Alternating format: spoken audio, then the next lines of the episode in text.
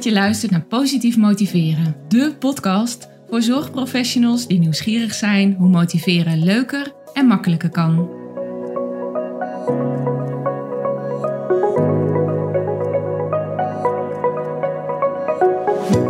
Mijn naam is Marielle Tromp en in deze podcast wil ik jou inspireren met verhalen, inzichten en tips die jij kunt gebruiken om meer resultaat, plezier en voldoening uit je werk te halen. Als jij een goed voornemen hebt, dan is het verleidelijk om zo snel mogelijk in actie te komen. Gelijk doen. Want daar gaat het om, denken veel mensen.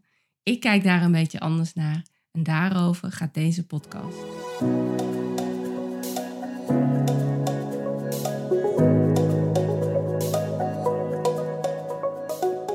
Vorige week begeleidde ik een oefensessie van een training. En toen merkte ik dat ik een aantal dingen zei en een aantal adviezen gaf die ik veel vaker zeg en geef.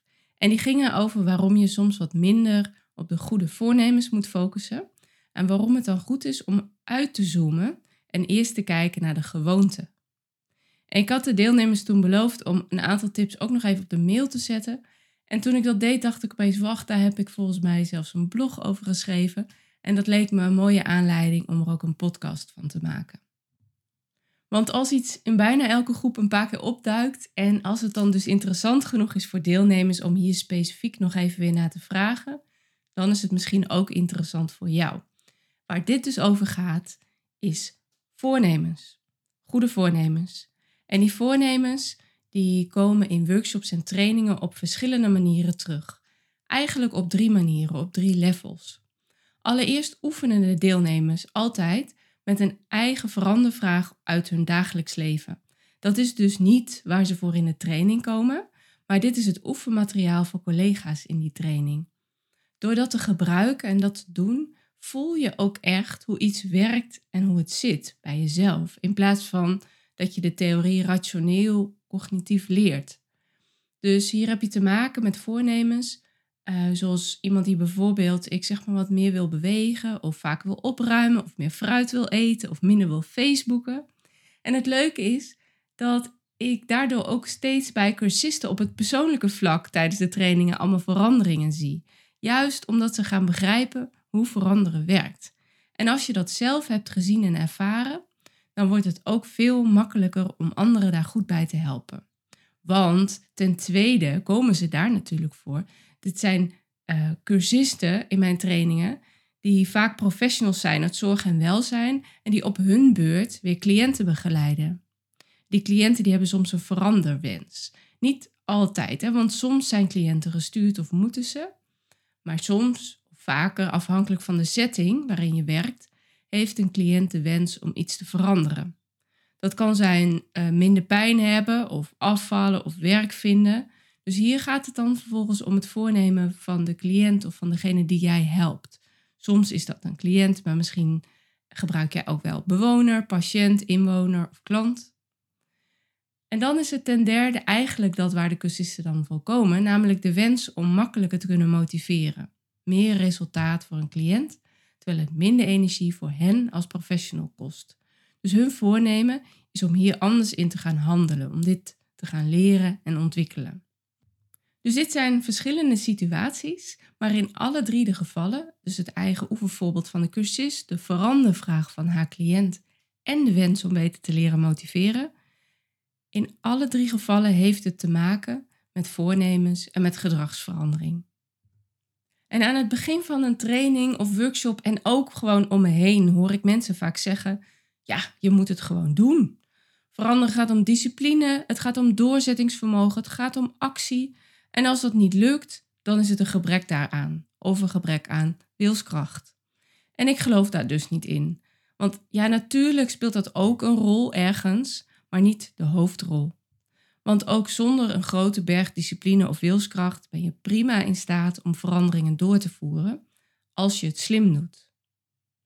Want even over wilskracht, dat is interessant. Um, daar is trouwens ook een wetenschappelijke term voor ego depletion. En dat mag je meteen weer vergeten. Uh, maar stel je het maar als volgt voor.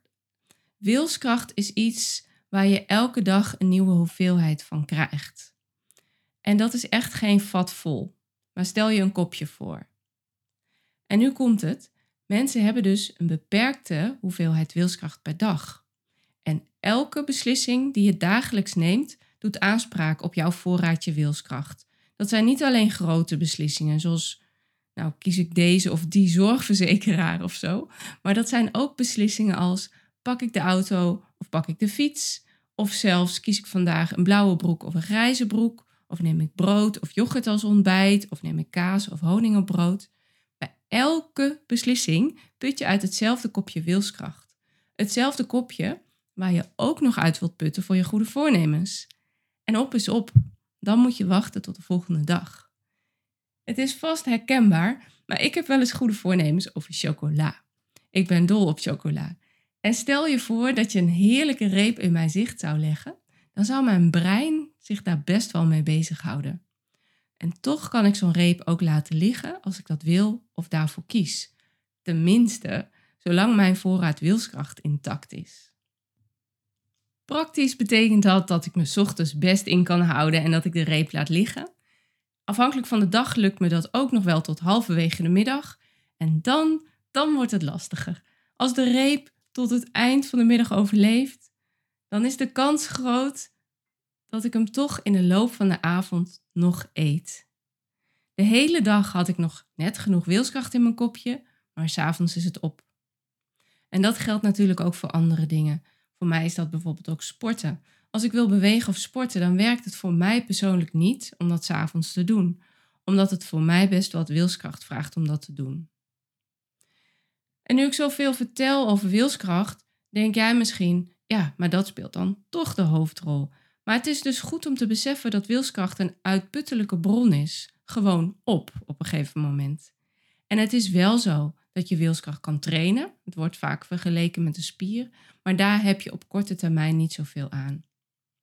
Wat meer helpt, is om wilskracht als een factor in het geheel, in het grote plaatje te zien. Dus niet als de enige factor of de doorslaggevende factor. En dat je vervolgens gaat onderzoeken hoe je hier slim mee omgaat. Want als ik die chocola gewoon niet in het zicht leg, dan doet hij veel minder aanspraak op mijn wilskracht. Mijn brein hoeft niet steeds de afweging te maken: zal ik wel of zal ik niet? En zo blijft mijn kopje wilskracht meer gevuld. En als ik wil gaan sporten en ik zorg dat ik het ochtends doe, of als ik vooraf een wekelijkse afspraak maak met een vriendin, dan maak ik ook slim gebruik van wilskracht. Ik hoef namelijk niet meer te kiezen op het moment dat het lastig wordt. Ik heb al gekozen. Dus stel dat jij begeleider bent van een cliënt die minder wil snoepen. Kijk dan of je kunt overleggen dat jouw cliënt snoep en koekjes niet in beeld bewaart. Dan doet het veel minder aanspraak op wilskracht. Of natuurlijk dat je cliënt het niet in huis heeft. Dat werkt misschien nog beter. En dat is trouwens ook onderdeel van mijn eigen strategie. Mijn man doet boodschappen en een van de bijkomende effecten is dat er dan minder chocola in huis komt. We hebben geen voorraad, ook geen koekjes, want daar ben ik niet goed in als het in huis is. En zo heb ik nog wel meer dingen ingebouwd in mijn dagelijks leven, waardoor ik slim gebruik maak van wilskracht en er niet onnodig uit hoef te putten. Kortom, het is dus verstandig om hier slim mee om te gaan.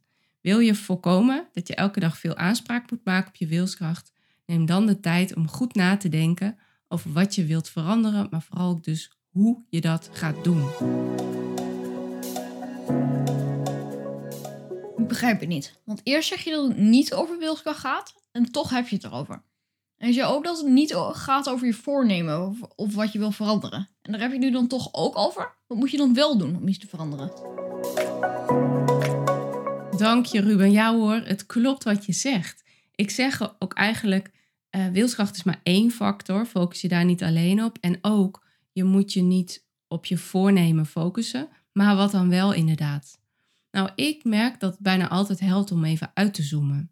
Dus niet ingezoomd blijven op dat goede voornemen van, nou, ik zeg maar even bewegen. Want dan eindigt het misschien met het voortdurende idee, ik moet meer bewegen.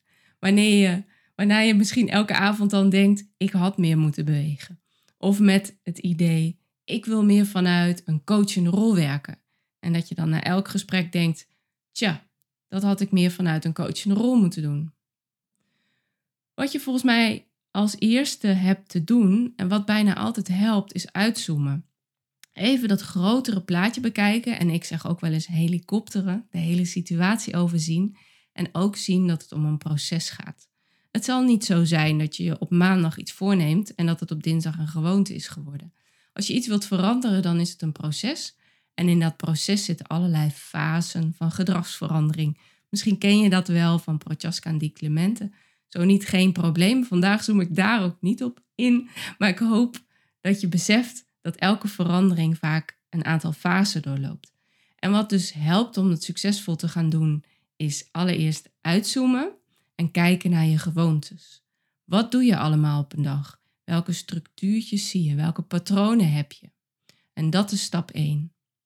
En pas daarna, als volgende stap, ga je kijken welke verandering je zou kunnen doorvoeren in je dag, waardoor je een piepkleine stap neemt in de richting waarin je wilt gaan. Waar ga je iets anders doen? Waar ga je iets bijstellen? Zodat deze kleine verandering een vanzelfsprekend deel van je dag wordt waar je geen beslissing meer over hoeft te nemen. Een voorbeeld. Stel dat jij of dat je cliënt een voornemen heeft om meer water te drinken. Voor het gemak zeg ik even jij.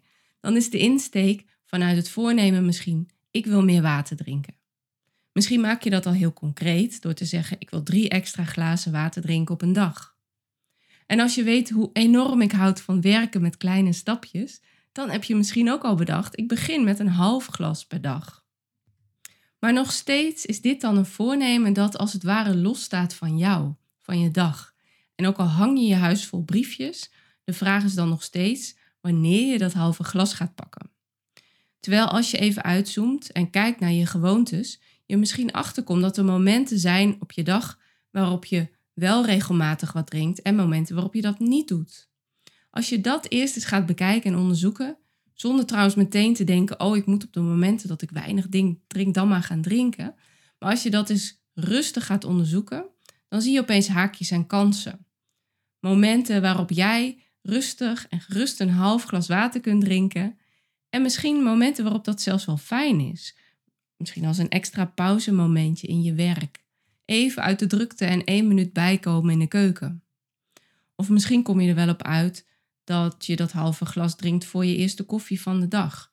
Het kan allemaal, als het maar bij jouw gewoontes en patronen past. Zorg dat je je dus minder focust op je voornemen of je doel, zoals gezond eten, meer bewegen, wat jouw doel ook maar is, en meer op het proces om daar een gewoonte van te maken. Een ander voorbeeld van een cliënt, een bewoner in dit geval. Deze bewoner wilde naar een sportschool, maar die stopte steeds na een paar weken. Er was wel een plan met een opbouw. Eerst, samen, eerst ging hij samen met de begeleider naar de sportschool en ze gingen samen sporten. En stapje voor stapje trok zijn begeleider zich wat terug, zo gauw de sportschool bekend was en de bewoner daar de, de weg wist.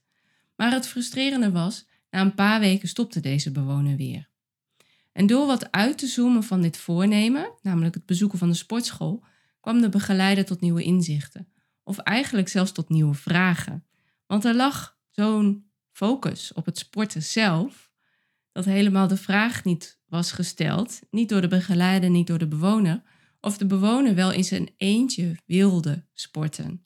En ook belangrijk, of het realistisch was om te denken dat hij zelf de wilskracht kon opbrengen om in zijn eentje te gaan. En ik herinner me dit voorbeeld nog precies, omdat er vanuit dit kader steeds over de verstandelijke beperking van deze bewoner, van deze cliënt werd gesproken. Terwijl ik toen zei: als je mij alleen naar een sportschool laat gaan, dan kom ik er ook niet. Dus het probleem was hier helemaal niet, of niet alleen, de verstandelijke beperking, of dat de bewoner de route niet kende of niet wist hoe het aan toe ging in de sportschool, maar dat alleen sporten, in zijn eentje sporten, gewoon niet bij hem paste. Dus daarmee heb ik een voorbeeld, een voornemen genoemd van een cursus zelf, namelijk meer water drinken, en van een cliënt, namelijk sporten. En aan het begin noemde ik nog een derde soort level, derde soort situatie, namelijk het toepassen van positief motiveren. Ook dat is een veranderproces waarbij het goed is om niet alleen maar naar dit gedrag te kijken, maar ook naar het proces. En daarvoor neem ik even als voorbeeld eh, om iets als de coachende rol in te gaan zetten in je werk. Want deze week had ik daar een oefensessie over, over de coachende rol. En een deelnemer deelde haar ervaring. Ze had het ontzettend ingewikkeld en ongemakkelijk gevonden om bij een team meer in de coachende rol te stappen. En als je dan te veel focust of te veel inzoomt, dan kan je maar zomaar verdwalen in dat ongemak.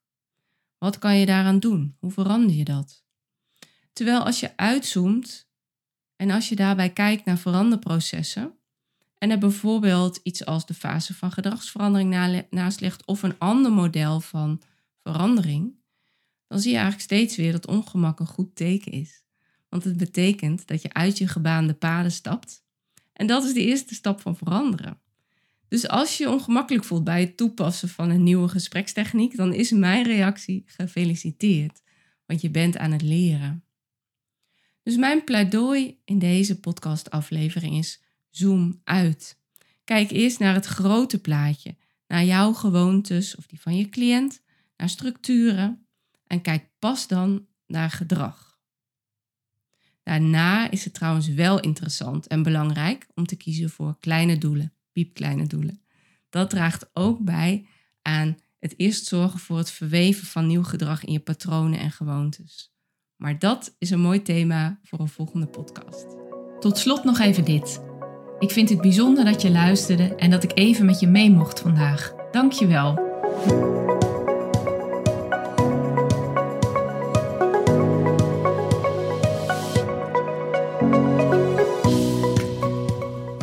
Je vanzelf op de hoogte blijven van nieuwe afleveringen? Abonneer je dan op Positief Motiveren in jouw favoriete podcast-app. Op www.positiefmotiverenpodcast.nl leg ik je uit hoe dat werkt en vind je bovendien alle afleveringen inclusief de links naar extra informatie. Ook lees je hier hoe je met mij in contact kunt komen. Want ik vind het echt leuk om van je te horen. Ben je enthousiast over deze podcast? Dan zou ik het enorm waarderen als je helpt om deze breder bekend te maken. Dat kan door deze podcast met collega's te delen of deze te delen op jouw sociale media kanalen. Graag tot de volgende keer.